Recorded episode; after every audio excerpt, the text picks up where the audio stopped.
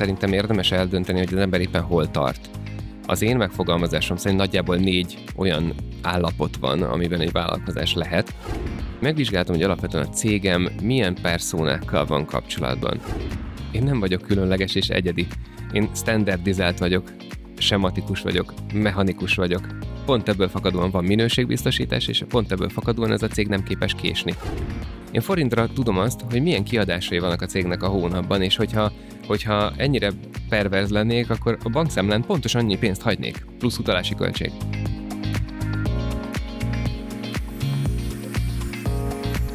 Mitől lesz egy cég sikeresebb a többinél? Mi kell ahhoz, hogy egy vezető úgy építse fel cégét, hogy azt fenntarthatóan működjön, mielőtt folyamatosan növekedni is képes, akár nélküle is?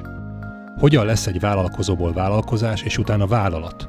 Milyen hozzáállás és gondolkodásmód kell ehhez? A Cégépítők podcast sorozatban célunk, hogy magyar vállalkozói történeteken keresztül bemutassuk nektek ők honnan, hová jutottak el, és mi kellett ehhez.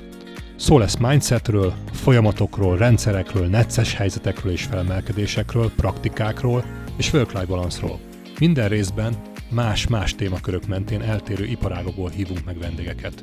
Olyanokat, akik mondhatni igazi cégépítők, hiszen nem akármilyen növekedésen vannak immáron túl. Persze ők is elkezdték valahol.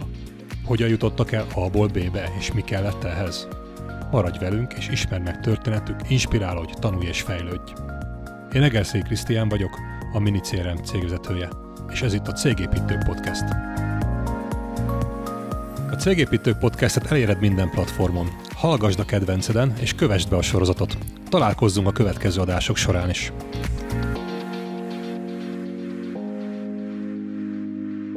Pázoli az AH Consulting SEO ügynökség alapítója. Vele beszélgetek, aki egy nagyon érdekes ember, én úgy gondolom, mert papíron autószerelő, aztán úgy gondolom, hogy elég sokáig, meg elég messzire jutott itt az alapvető szakmájától. Sorozatvállalkozó lett, nagyon sok mindent kipróbált, felkerült a Forbes 30 éven aluli 30 legsikeresebb fiatal vállalkozó listájára is, amire azért kevesen kerülnek föl, és nagyon jól elindult, úgy gondolom a nulláról, és felépítette egy ilyen 300 milliós szerződésállományú ügynökséget. Erről fogunk beszélgetni, hogy ezt hogyan és mint tette meg.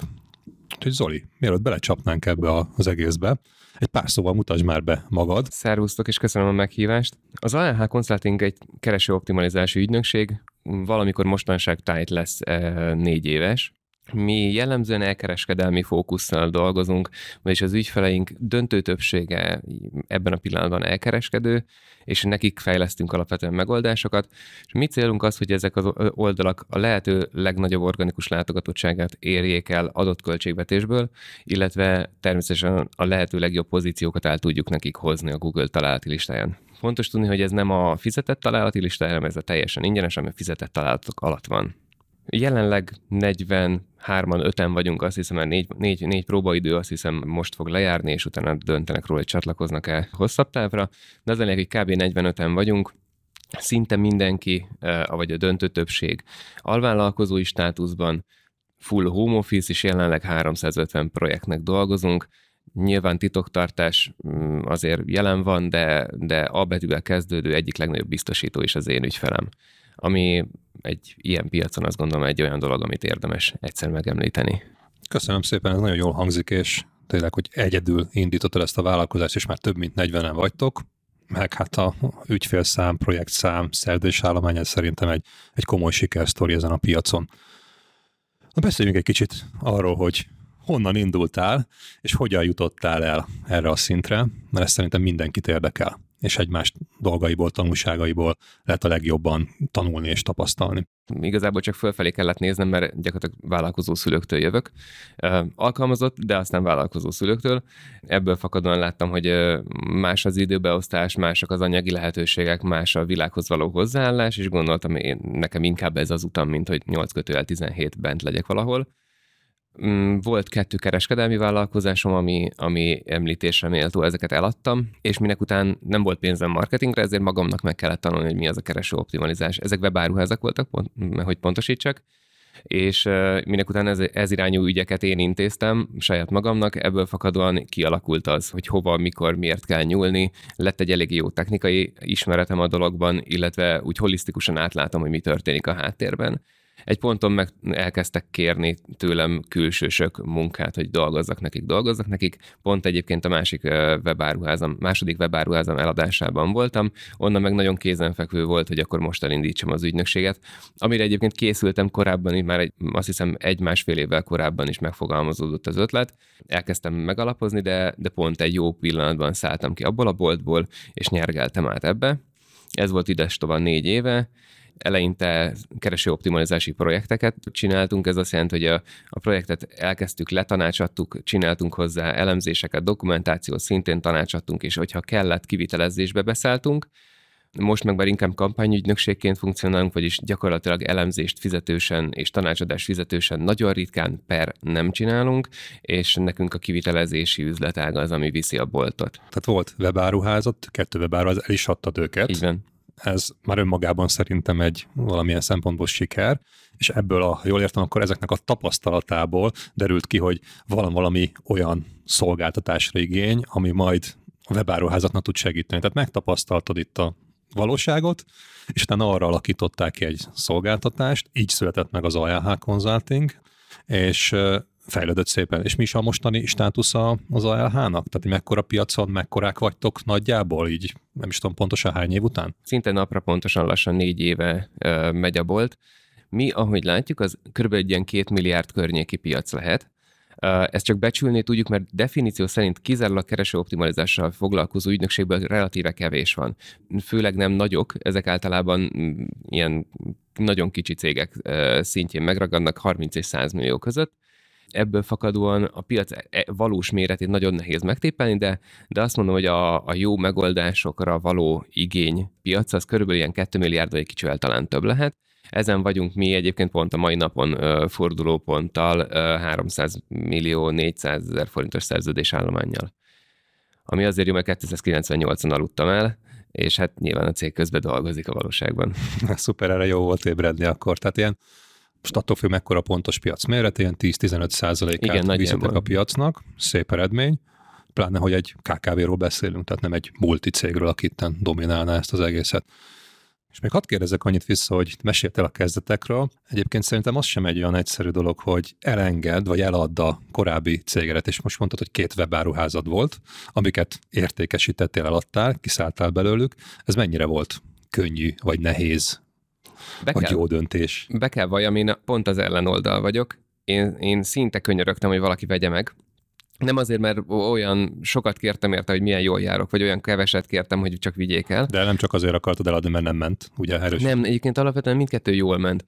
A gond velük az volt, hogy maga a kereskedelem az egy olyan szellemi töltettel, szellemi töltetet kérő valami, ami nekem egyáltalán nem fekszik. Szóval, hogy amikor reggel nyolckor egy kialvatlan, alapvetően az életével nem elégedett ember azonnal fölhív és kiadja az összes mérgét, ami az utóbbi másfél évben volt, csak azért, mert egy nyolc hónapja nála lévő termék tönkrement este, Szóval, hogy én nem kérem az életéből nem tudom hány év nyomort.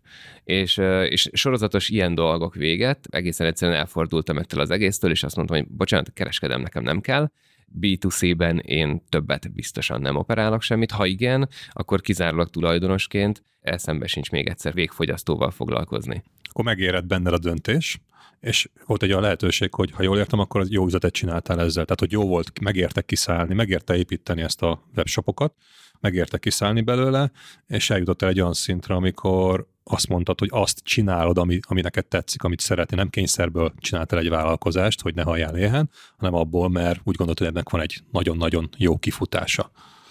Hogyha a megéri szó mellé az emberek általában négy kötője 7 évi osztalékért való eladást értik, akkor egyébként nem csináltam jó üzletet, és ezt totál bevallom, mert hogy én szerettem volna kilépni ebből. Én nagyjából ilyen egy évnyi nyereségért eladtam a webáruházakat, de tudtam, hogy körülbelül arra van szükségem ahhoz, hogy átnyergeljek a következő vállalkozásba. Párhuzamosan egyébként nekem sok más is volt, csak volt olyan, ami becsődölt, volt, amit csak abba hagytam, volt, ami egyébként alapjaiban nem működött, és, és tudtam, hogy nekem mi az a pénzösszeg, amire szükségem van, hogy tovább finanszírozzam a következő egy évemet, és megyek a következő dologba. Tudatosan megtervezted, kiszámoltad, Abszolút. összeraktad az eladásnak a folyamatát, bejött a pénz, és utána meg volt az a következő ötlet, ami, ami az ALH lett és akkor ez így szépen tokkal. Hát párhuzamosan, mert, mert ugye az eladás hónapjában egyébként már voltak futó projektjeim, vagyis én, én tudtam azt, hogy előre, hogy mire van szükségem, míg az eladás zajlott, egyébként már csináltam kereső optimalizási munkákat, és eladtam egy hónappal később a gazdálkodót, megcsináltam, és szóval relatíve kevés idő telt el, de az egész mögött volt egy nagyon tudatos tervezés. Csak párhuzamosan összefolynak egy picit a dolgok. Meghallgattuk, hogyan indult el az egész ALH-s sztori. Nézzük meg, hogy hogyan alakult milyen fázisai voltak itt az ALH-nak az indulástól, odáig, hogy most egy nagyon szép eredményt elértél. Meg tudjuk nézni azt, hogy milyen lépésekben, hon, hogy alakult mondjuk a bevételed, mert ugye mondtad, az elején volt valami, most meg ugye mondtál egy szép nagy számot. Tehát azért a nulláról a 300 millióig azért valahogy el kellett jutni. Most így évszám függetlenül szerintem inkább csak a fázisok a, a, a fontosak. Ugye volt eleinte, amikor projektügynökségként mentünk, jött a projekt, megcsináltuk, tanácsadtuk, kiviteleztük, ha kérte az, ügy, az ügyfél is, mentünk tovább. Így nagyjából ilyen 50 projektet meg lehetett csinálni egy évben, volt hozzá csapat, volt hozzá back office, stb. Alapvetően ez a, ez a működés nem skálázható, mert iszonyatosan HR-heavy. Gyakorlatilag ami kereső optimalizási igény van a piacon, arra nincs elég szakember, nincs kapacitás, és hogyha most valaki nagy, nagy üzembe elkezdene százával SEO tanácsadókat képezni a következő pár évben, akkor is lemaradásban lenne folyamatosan a piaci igényhez képest. Úgyhogy ezt felismerve rájöttem, hogy persze az én időm véges, és a kapacitásaink végesek, ezért egy, egy végponton meg fog állni a vállalkozás. Úgyhogy egy idő, egy, azt hiszem egy ilyen egymás fél év üzemelés után jött az, hogy akkor átállunk kampányügynökségi munkaszervezésre, és végeredményül elhagytuk a projektezést. Itt, ha jól értem, akkor azért az elején egyedül indult, egyedül csináltad a dolgokat, tehát egy, egy fős vállalkozó voltál, így indítottad ezt az egész vállalkozást, és akkor egy másfél után jöttél rá, hogy akkor ez korlátos. Tehát te csinálsz mindent, akkor egyszerűen igazából egy kényszer vállalkozó vagy a saját vállalkozásodban, vagy kényszer alkalmazott a saját vállalkozásodban, és itt jött meg az a döntés, hogy akkor ezt valahogy skálázni kell, mert különben nem tud fejlődni. Mi volt ennek a gúcs azon, hogy vegyünk föl persze embereket? Azért gondolom, itt más is volt a háttérben, ami ezt megerősítette, vagy meg lehetővé tette. Egy gondolatig visszatérek az előbbire. Azáltal másfél év alatt nőttem egy főről, azt hiszem hatra. Szóval ott egy, ott egy lassú építkezés zajlott, vagyis alapvetően célom volt az, hogy ne én dolgozzak, csak maga a felépítés, a, a csapat, a, a delegálás is olyan volt, hogy jellemzően a munka döntő része az rám hárult, és bármekkora volt a csapat, túl sok feladatom volt nekem. Itt kezdődött megfogalmazni, megfogalmazódni, hogy, hogy amíg én időt és saját kapacitást adok el, addig igazából szignifikáns szintlépési jövedelembe ebből nem lesz és ezen volt egy, egy banki szakember, akivel nagyjából papírra vetettük azt, hogy, hogy a cégnek milyen bevételi erősségei és nyereségbeli erősségei vannak. Akkor még nem voltam ennyire számorientált. Én magam igen, de a vállalkozás nem és lemodelleztem, hogy egy valamilyen fejlődési vonalon haladva, mondjuk egy év múlva milyen jövedelmem lesz akkor, hogyha nem a projektekre koncentrálok, hanem kifejezetten csak a kivitelezési üzletágra hát nyilván volt benne egy értelmezhető számszerű szorzó, na most azt az egy évet, ez ugye másfél év utáni egyéves prognózist nagyjából egy ilyen négy hónap alatt értem el, mert a piac receptív volt rá, és mindenki úgy jött, hogy végre valakinek van kapacitása, és ezt el tudja vállalni. Ettől kezdődő részen volt ugye egy rendszerbevezetésünk, és onnantól kezdve gyakorlatilag mostanság kezd lineárissá válni a növekedésünk, mert nyilván ekkor már akkora tömeg van mögöttünk, ahol a leforgácsolódás is egy, egy észrevehető szám, de például a amikor egyeztettük ezt az időpontot az interjúra, akkor voltunk 285 milliósak kb szerződés állományba. Akkor napról napra növekszetek, Gyakor- ez igen, egy nagyon jó érzés. Így, így azt lehet mondani, hogy, hogy naponta egy valahol az eloszlási görbe tetején lévő, vagyis a közepébe illeszkedő ügyféllel naponta bővülünk. Nagyon sokszor hallom egyébként azt, hogy a vállalkozók küzdenek itt a saját korlátaikkal, és te ezt felismerted, és ki tudtál ebből törni, hogy ne te csinálj mindent, szervezd meg az életedet, valahogy találd ki azt, hogy hogy lehet ezt skálázni, hogy egyszerűen jövedelmezőbb legyen az egész vállalkozás, és ne csak kényszerből csináld. Emberek, folyamatok, Szerintem ezek azok, amik eh, leginkább a folyamatok, ha jól értettem, azok kellettek, Abszolút. hogy azok, azok legyenek meg, mert ezt átgondoltad, kitaláltad, Erről egy pár szót mondanál nekünk, mert nagyon jó, hogy ki tudtál ebből törni, de szerintem mindenkit érdekel, hogy mik azok a titkos receptek, ami alapján hogy lehet egy folyamatot, hogy milyen folyamataitok vannak, mi alapján működtök? Ebbe tudsz egy kis betekintést adni nekünk röviden? Szintén egy lépéssel hátrébről fogom kezdeni, mert szerintem érdemes eldönteni, hogy az ember éppen hol tart.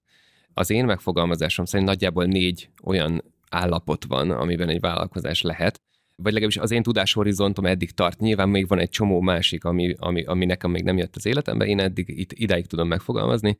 Van a null pont, ahol gyakorlatilag kiváltotta a vállalkozást, és csinál valamit.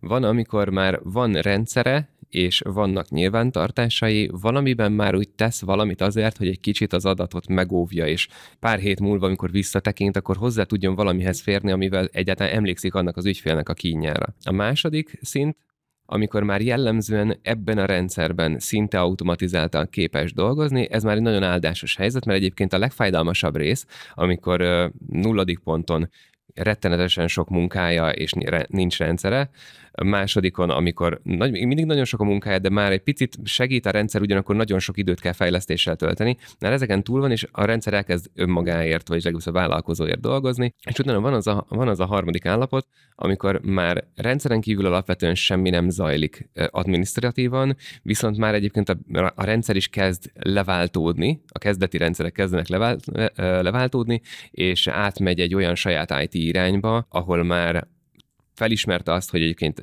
a nyereség az vissza, egy része visszaforgatandó olyan saját megoldásokba, amit már a piacból nem kap meg.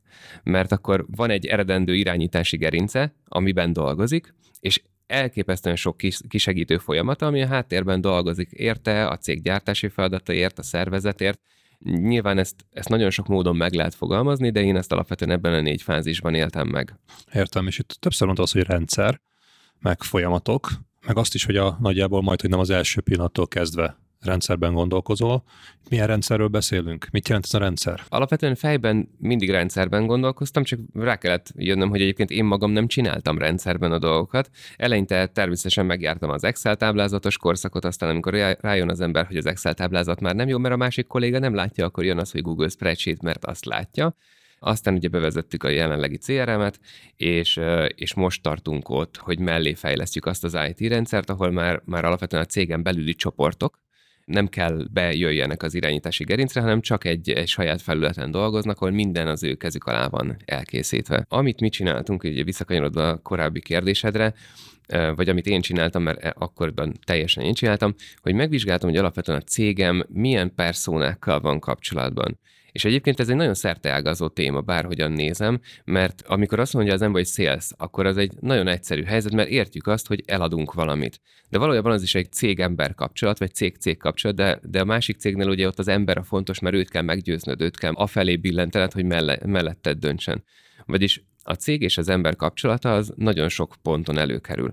Az én vállalkozásomban például van egy, egy értékesítési, vagyis a cég kapcsolódik egy másik emberhez, akinél szeretnénk, hogy megvegyen tőlünk valakit, és ezt egy tanácsadó kolléga használja a cégen belül.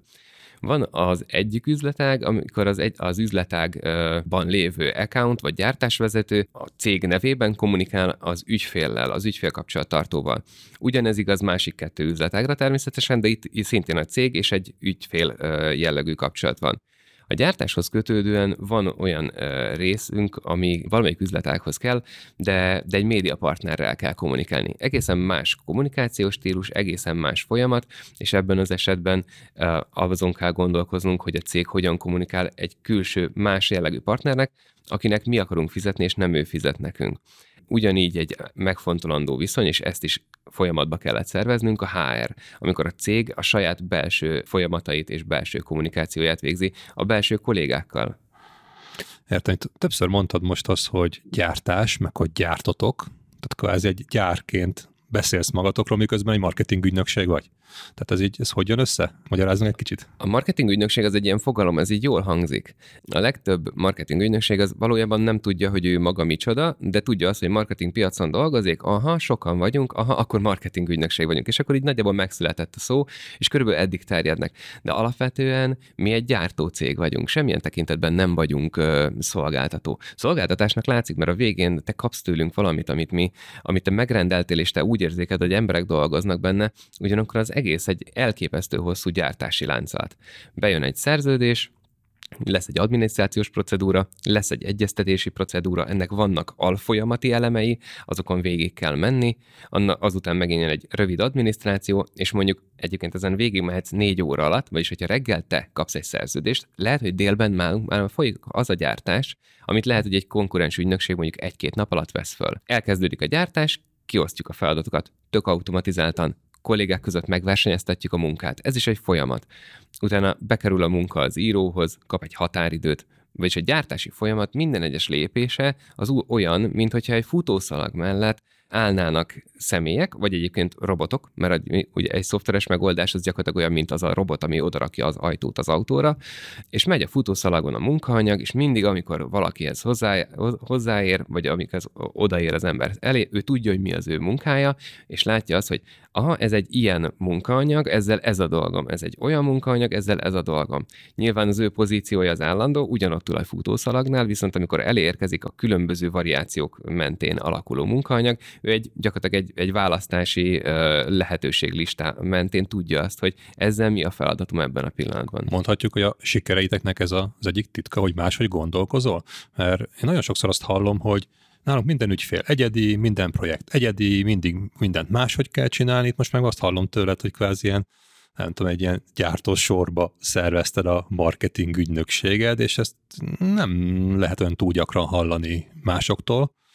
Ez, amitől ez lehet az egyik oka, amiért itt tartotok, ahol most tartotok? Szerintem ez a legesleg lényegesebb oka, és amennyire én tudom, nem is nagyon vannak hasonló gondolkodású vagy felépítési ügynökségek itthon. Persze mindenki marketing piacon mutogat magára, hogy ő milyen különleges és egyedi, csak ő tényleg különleges és egyedi. Én nem vagyok különleges és egyedi. Én standardizált vagyok, sematikus vagyok, mechanikus vagyok. Pont ebből fakadóan van minőségbiztosítás, és pont ebből fakadóan ez a cég nem képes késni eddig kétszer késett mondjuk, de az egy olyan ügyfele miatt, aki folyamatosan ilyen 24-én hozza az új projektjét, és az első hónap az így ezért elcsúszik. Hány alkalomból volt az a kettő? Hú, szerintem ilyen 5000 ügyfél hónapon vagyunk túl. Ebből, ebből El, csúsztunk. Elég jó arány. Igen, igen, igen, és, és mondjuk 8 munkaanyagos hónapból az egyik csúszott. 31-én nem készült el, hanem elsőjén. Jó, szóval ez egy ilyen ez egy olyan hogy... Nem igazi csúszás akkor. De valójában valahol elrontottuk. Az én felelősségem abban van, hogy 24-én nem szabadott volna megengedni annak az ügyfélnek, hogy beszerződjön. Értem, te egy kicsit máshogy gondolkozol szerintem, mint a nagy átlag, és igazából a KKV piacon csináltál egy ilyen multi cég szintű szervezettséggel jó értelemben működő céget, folyamatokat, és, és megugrottad azt a dolgot, hogy a minden egyediből megtaláltad azt, hogy mik azok, amik ismétlődnek, mik amik standardek minden egyes projektben, minden egyes ügyfélben, és erre adsz egy olyan megoldást, amit utána nem csak egyszer, vagy mindenkinél máshogy, hanem tömegesen jó skálázat tudsz eladni, kvázi lett egy gyártósorod, és ebből lett egy úgymond pénztermelő céged, ugye ami nulláról egyedül veled indultál, és ez, ha jól értem, itt négy év alatt eljutottál oda, hogy hátradőlve nem elengedve, mert, mert látom rajtad, hogy imádod, amit csinálsz, és mondjuk jó értelemben őrült vagy egy kicsit, és, és nagyon fontos neked ez a cég, ami szerintem teljesen normális, egy vállalkozókról beszélünk, jutottál el oda, hogy, hogy a munkád gyümölcsét azt, azt tudod is élvezni. Abszolút, de hogyha belegondolsz, mondjál egy nagy céget, ami különleges és egyedi terméket, szolgáltatást csinál, különleges és egyedi igényű ügyfeleknek. Nem tudsz. Ilyet, ilyet nem látsz tőzsdén. Nincs ilyen. Mert egy bizonyos küszöbön túljutva kizárólag folyamatok vannak.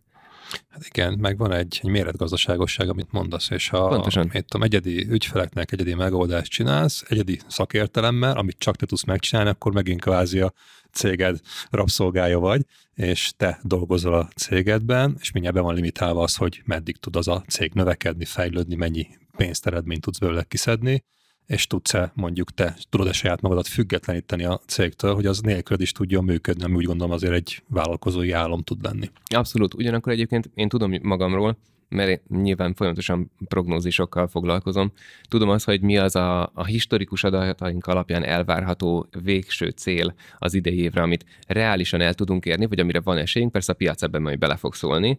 És tudom azt, hogy ez a, ez a működési modell meddig tolható el. És ez most ebben a pillanatban ilyen 520 és 560 millió között van szerződésállományban.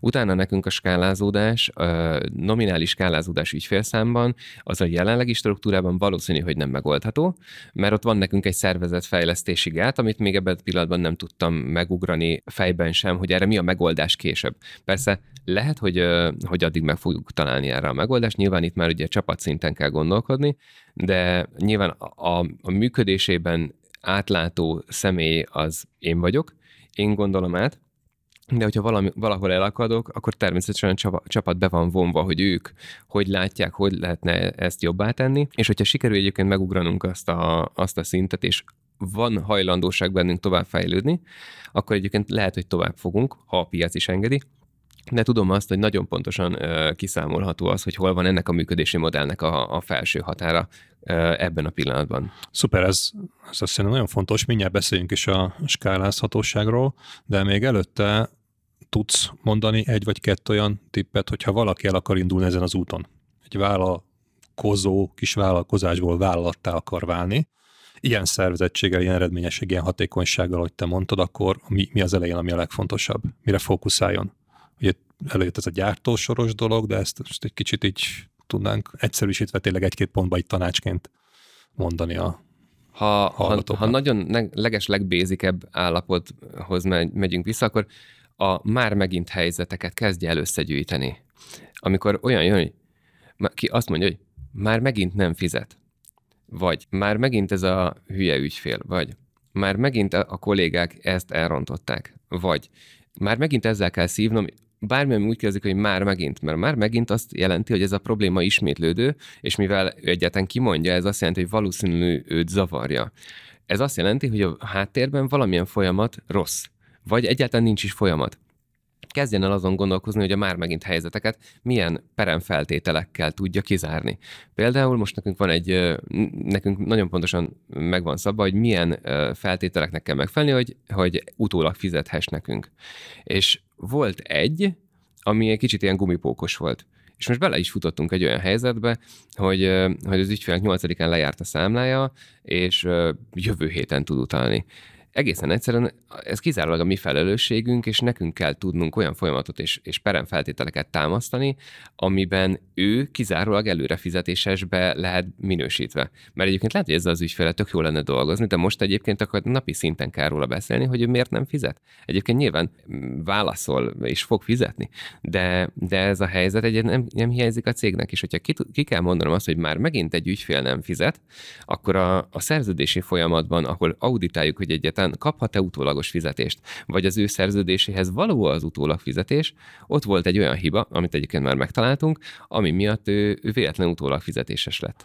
Akkor az első tanács, és ez nagyon jó életből vett példa, Rakd össze a folyamataidat, mi fog ebben segíteni? Tedd fel a kérdést, hogy már megint. Mi kezdődik már megint el? Ebből össze tudod magadnak gyűjteni, hogy milyen folyamatokat, folyamataid vannak, hogy milyen folyamatokat kell megcsinálni. Oké. Okay.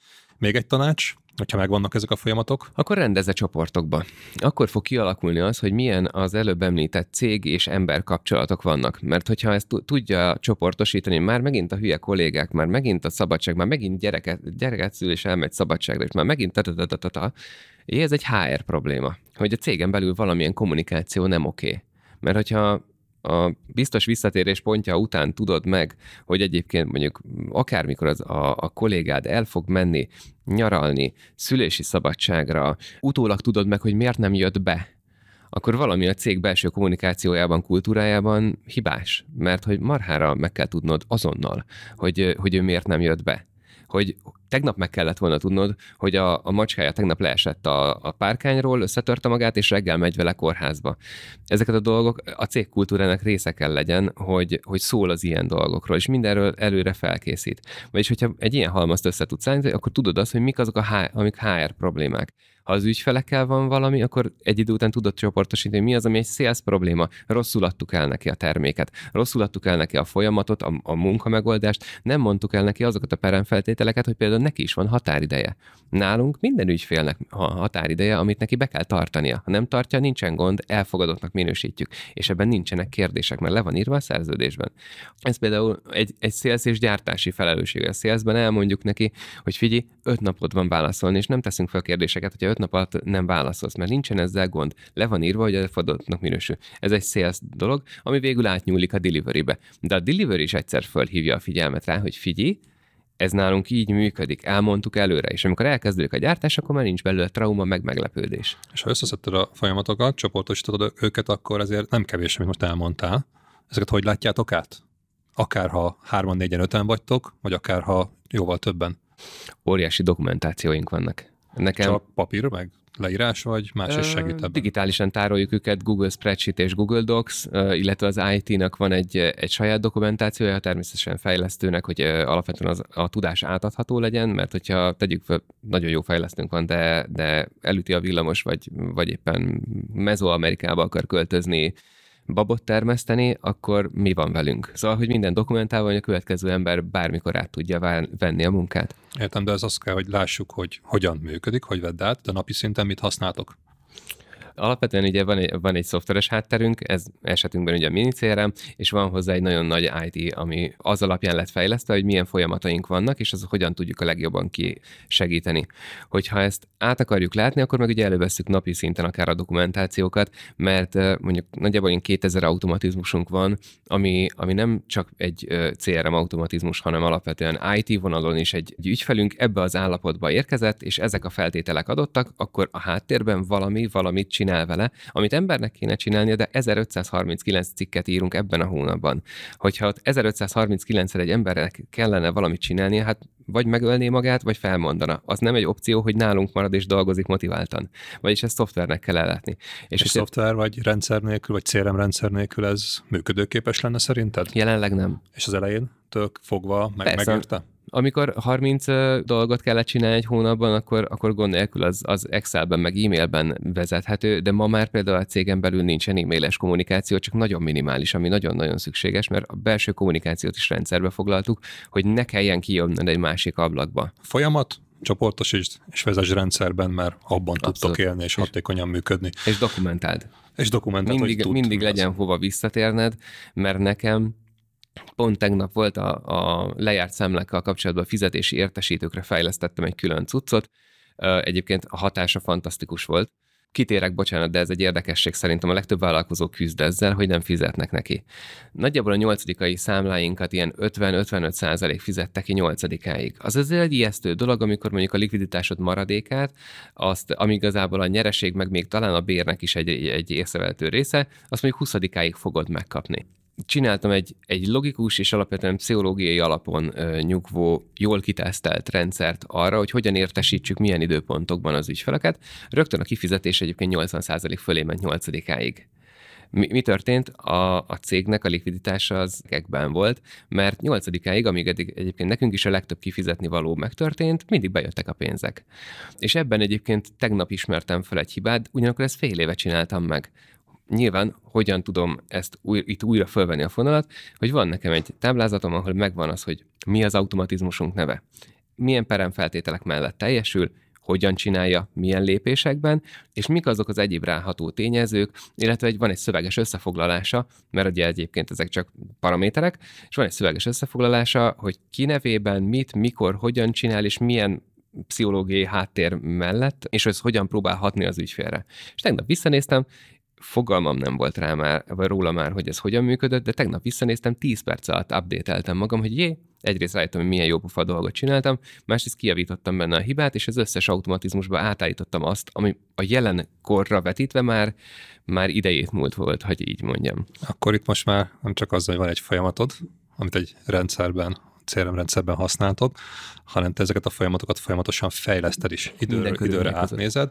és amikor 10 perces munkával tudsz valami óriási eredményt elérni, ami így banálisnak tűnik, de mégis, ahogy most elmondtad, azért a számaitokra, a cég működés eredményességre ennek pozitív hatása van, akkor ez egy, úgy mondom, egy örömteli pillanat neked, hogy ezt megéled. Hát a cégnek meg ugye erre van kell egy... magyarázni, mert ott vannak a számok, növekednek. Erre van egy nagyon jó példám, és megint az, hogy nagyon a részletekben rejlenek a, a, a dolgok. Azt hiszem 2%-kal több utólag fizetéses bevételünk érkezik meg adott időpontra, csak amiatt, hogy bizonyos értesítők nem háromkor mennek ki, hanem kimennek egykor, és egy másik szinten pedig tizenegykor. Mert egészen egyszerűen, amikor háromkor megkapja a pénzügyes, jaj, jaj, itt valamit van dolgom, fú, de mindjárt kiesik alólam a szék négykor, és leteszi. Holnap reggel megint jön a szarcunami, ellepi, délbe foglalkozna vele, ú, de már kaja idő, aztán kettőkor kávé, és lehet, hogy megint két-három napot ül rajta. Előző napit elfelejti, mert mindig a pontosan, legfrissebb napi teendőkkel tűzoltással foglalkozik. És alapvetően ezért a délutáni értesítés, vagy legalábbis a három órai értesítés, az a legelső. Az a, az a lazán csúszóknak a, az értesítési megoldása. Akiknél látjuk a hajlamot rá, hogy egyébként elfelejtenek napon belül is dolgokat, azoknak kimegy egykor vagy tizenkettőkor, mert egészen egyszerűen ő akkor nyitott arra, hogy ezzel foglalkozzon.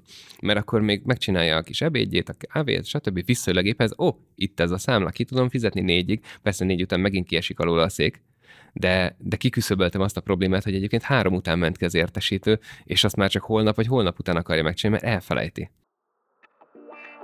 Az extra tartalomban arról fogunk Zolival beszélgetni, hogyan élte meg cégvezetőként cége fejlődését, növekedését, miből inspirálódik, mi tartja fenn a motivációját, és honnan veszi a tudást, ami ahhoz kell, hogy ilyen szépen és eredményesen növekedjen.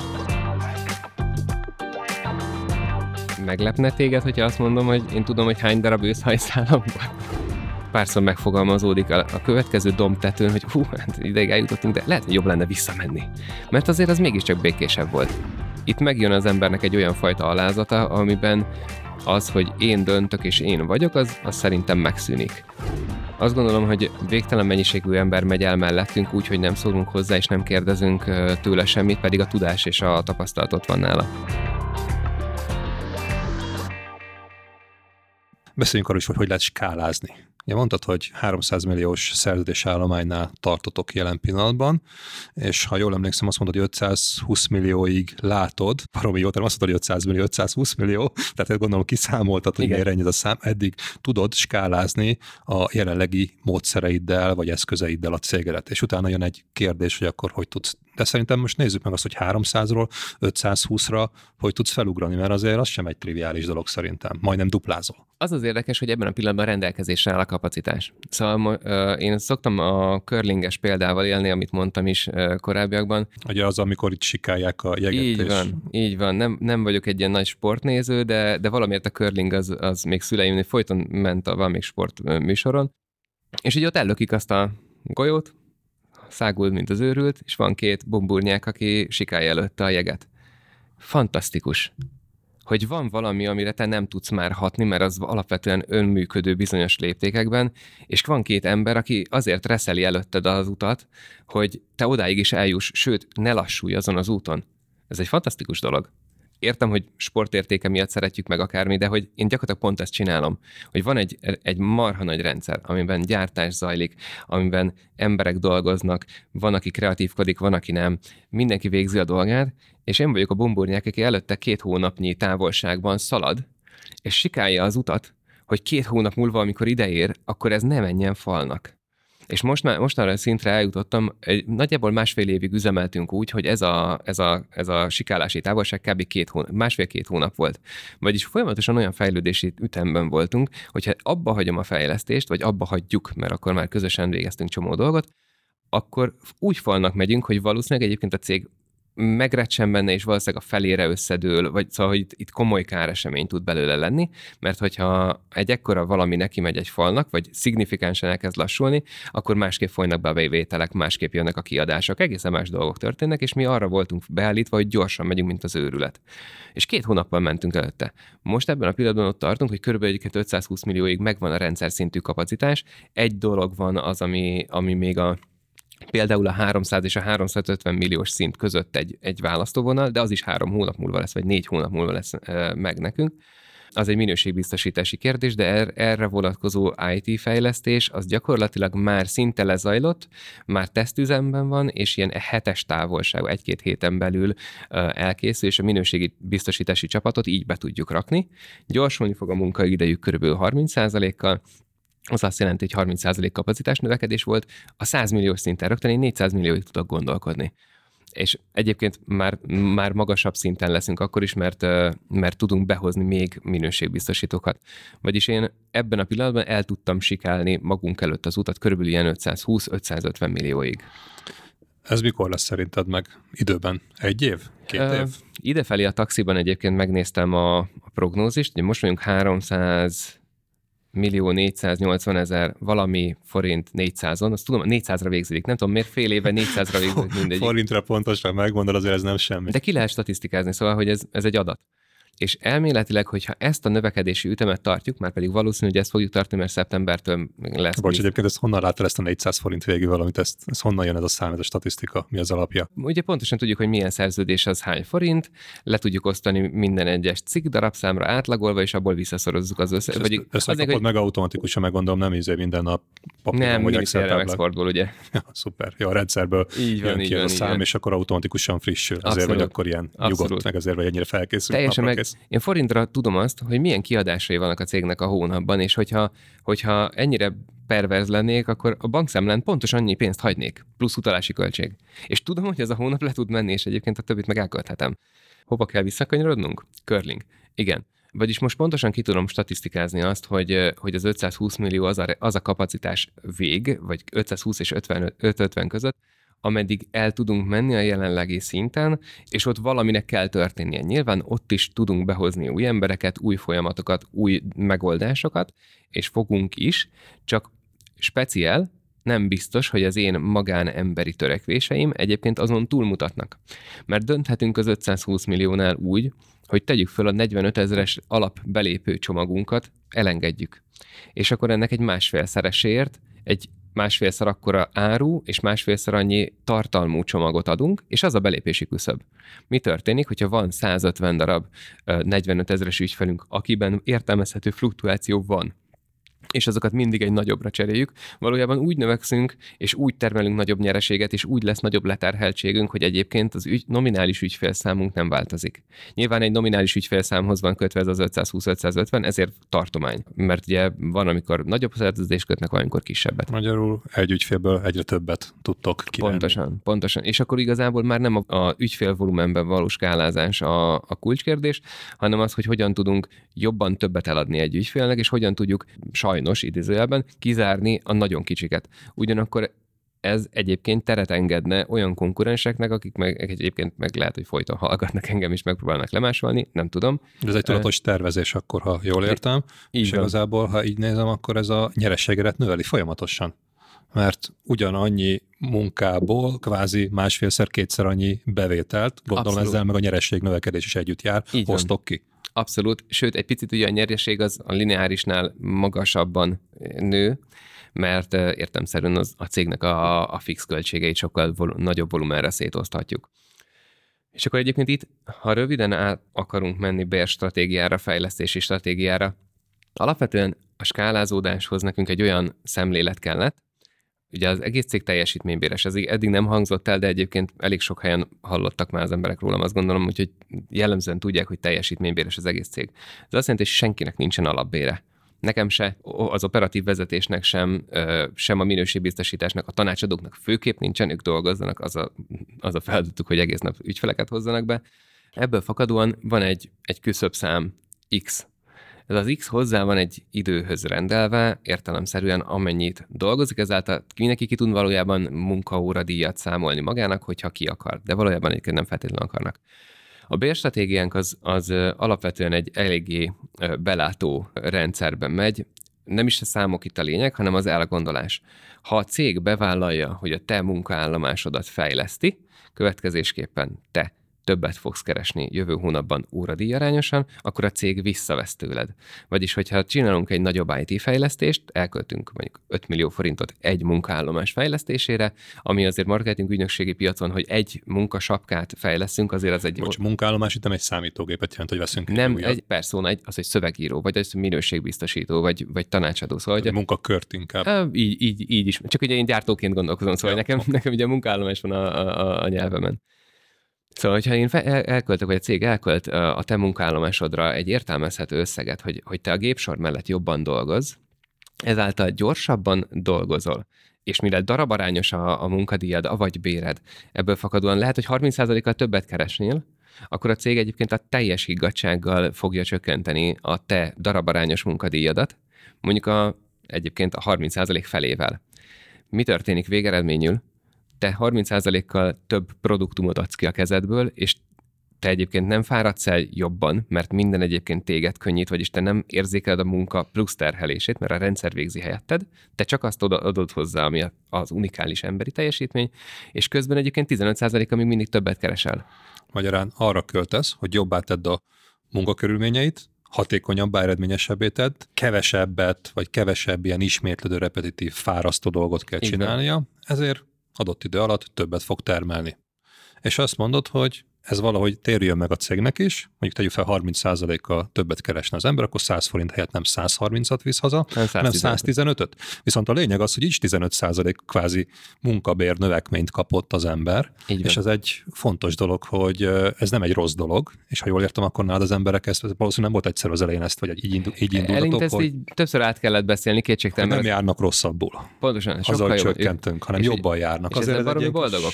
Paradoxon, de érdekes, nagyon jó. Én másik megfogalmazásban úgy szoktam mondani, hogy a legtöbb cég az valamilyen investíciót, vagy fejlesztést, mindegy, egy beruházásként él meg, és olyan szemszögből, mint ahogy mondjuk egy kereskedő cég a, a raktárát növeli.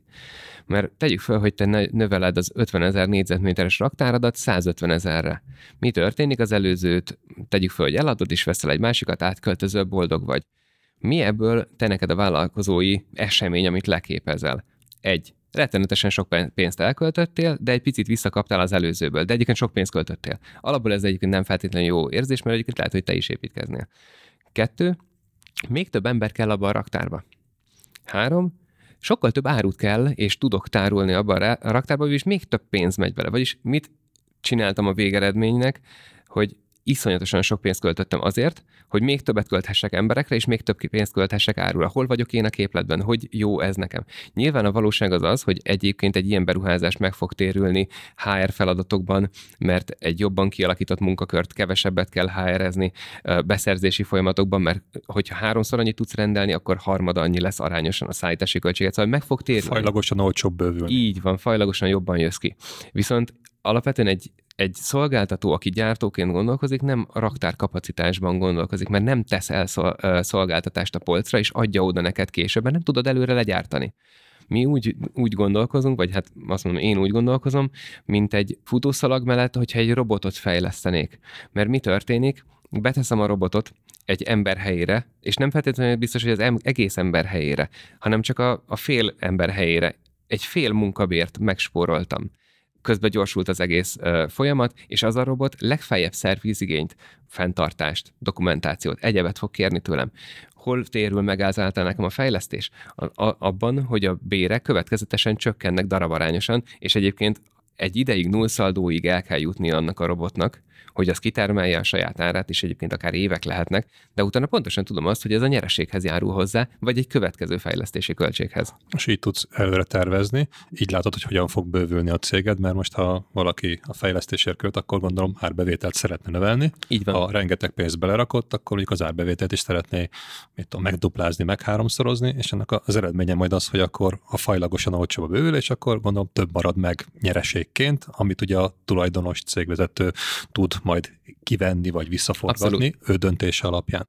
És akkor így tervezett te is az életedet, ez szerintem elég precíz, de nekem ez baromi fontos, hogy elmondtad, hogy egy KKV képes arra, hogy így gondolkozzon. Ez nem egy lehetetlen küldetés. Nem egyszerű, mert nagyon sok időd, energiát belement, viszont itt vagy élő példaként, hogy ezt meg lehetett csinálni. És ha azt nézzük, hogy tényleg a, a nullás szint, amikor az elején néhány millió forintra eljutottál 300 milliós szerződésállományig, és most látod azt, hogy egy-két éven belül 500 milliós szerződésállományig, vagy 5-20 ig el tudsz jutni, aminek úgy gondolom, hogy a nyereség oldala az valószínűleg nem kevés, mert az elején az a nem kevés, néhány millióból néhány milliót lehetett maximum kivenni.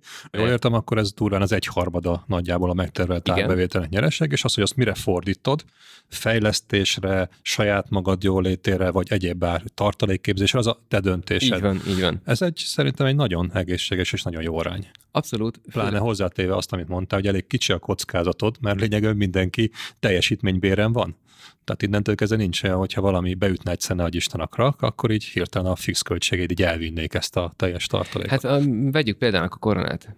Én ott álltam, és így gyerekek, így mi történik veletek? Min- mindenki úgy élte előtte lévő napjaiban az életét, hogy mintha nem lenne holnap, és eljött a pont, amikor egyébként tényleg nem volt holnap, csak a nem létező holnapban nem volt neki tartaléka. Én megnéztem, hogy aha, szóval rajtam kívül senki nem számolta ki a vállalkozását, hogy hogyan lehet fenntartani mert hogy nekem van másfél évnyi működési költségem félrerakva, mert rohadtul tudtam azt, hogy hogyan működik a cégem. Magyarul nem ez a vészhelyzet volt, ami befolyásolt, hanem a tudatos tervezés, és innentől kezdve teljesen mindegy, hogy milyen helyzet adódik, korona vagy nem korona vagy más. Te nyugodtan tudsz aludni, mert tudod, hogy fel vagy készülve mindenre, a céged működni fog, kvázi válságálló, és még válságban is növekedni tud, mert azért szerencsére, számokat mondtál. Szerencsére a korona alatt ránk elég nagy szükség volt a cégeknek, szóval ebben a tekintetben ez tök jó. Ugyanakkor mielőtt elvéve az erejét azoknak, akik elkezdenek mutogatni, hogy bezzeg, Zoli azért tudja megtenni, mert lefelé könnyen skálázható, mert mindenki alvállalkozó. Igen, mindenki alvállalkozó. De hogy én már 2017-ben, 2016-ban home office emberekkel dolgoztam. Szóval, hogy ez nem új találmány nagyon-nagyon sok ideje volt a cégeknek arra, hogy átálljanak egy olyan működési struktúrába, ahol igenis bevonnak alvállalkozókat. Mert miért vegyek fel egy embert, hogyha nekem 40 munkaóra kell valamilyen administratív dologra?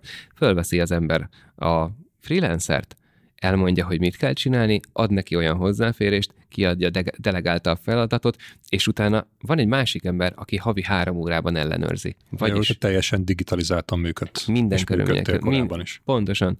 Ebből fakadó az, hogy, hogy tényleg az, a cég lefelé-fölfelé korlátlanul skálázható, nyilván tudjuk a korlátait, mert a szemlélet az az, hogy amit lehet, azt darabra, órára, egységarányra, valamire és házon kívül végtelen mennyiségű beszállítónk van, ezért pont nagyon-nagyon-nagyon sok számlával dolgozunk, de inkább, mint hogy egység kapacitással rendelkező egész emberekben kellene gondolkozni, aki, hogyha otthon felbukik, lefejeli a WC csészét, kihullanak a fogai, még én vagyok a munkavédelmi dolgok miatt a felelős, és én fogom fizetni neki a kártérítést. Szóval lehet azt mondani egyébként, és nagyon sokan mondják, hogy persze könnyűben mindenki alvállalkozónál, egy motiválj 40 alvállalkozót. Azért az nem kis feladat. Kettő. Old meg, hogy ők úgy tudjanak dolgozni, hogy nem zavarnak téged a munkájukban. Három. Bérezd őket úgy, hogy az piaci keretek között egy vállalkozónak megfelelő lesz. És legfontosabb, hogy hatékonyan dolgozzanak is. Pontosan. Persze azt a rendszer biztosítja ilyen tekintetben. Hm, ez nagyon egyszerűen úgy mondtad, mint egy alapvető dolog lenne. Mert alapvető. Oké.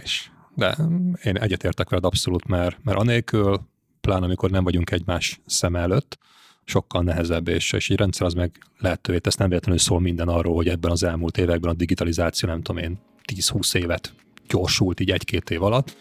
Baromi nagy erőlépés, és hát ezt nagyon jó hallani, hogy konkrét megvalósult példák is vannak erre, mint, mint például a te eseted és az ALH. Köszönöm szépen, Zoli, nagyon hasznos volt ez a beszélgetés inspiráló alaphatott rám, és úgy gondolom, hogy nagyon sok embernek, nagyon sok cégvezetőnek fel fogja nyitni a szemét, hogy miket lehet kihozni a vállalkozásából. Ennél jobb dolgokat szerintem ritkán hallani. Köszönöm szépen, hogy itt voltál, és sok sikert kívánok a skálázódás és a növekedésetekhez, ami előttetek áll. Én köszönöm a meghívást. Szervusztok! A Cégépítő Podcastben Pázolival beszélgettünk, és ebből a nagyon hasznos beszélgetésből kiemelve a számomra legfontosabb tanulságok, találd meg, hogy mik azok a célok, amiért csinálod a cégedet. Nézd meg, hogy mik azok a ismétlődő feladatok, amiket automatizálni tudsz. Tedd fel azt a kérdést, mi az, ami már megint előfordult, ez alapján gyűjtözt, hogy milyen folyamataid vannak, és egy rendszerben kezelve menedzseld az egész cégedet, minden nap fordíts időt a fejlesztésére, és ha ezt megcsinálod, akkor kvázi néhány év alatt akár nulláról egy 300 milliós szerződésállományjal bíró céget is fel tudsz építeni. A következő adás vendége Sebestyén András, a Grantis alapítója. Hallgass bele! Ezek az elhasznált buzzwordök, hogy vision, mission, values, ez egy people businessben szerintem elkerülhetetlen.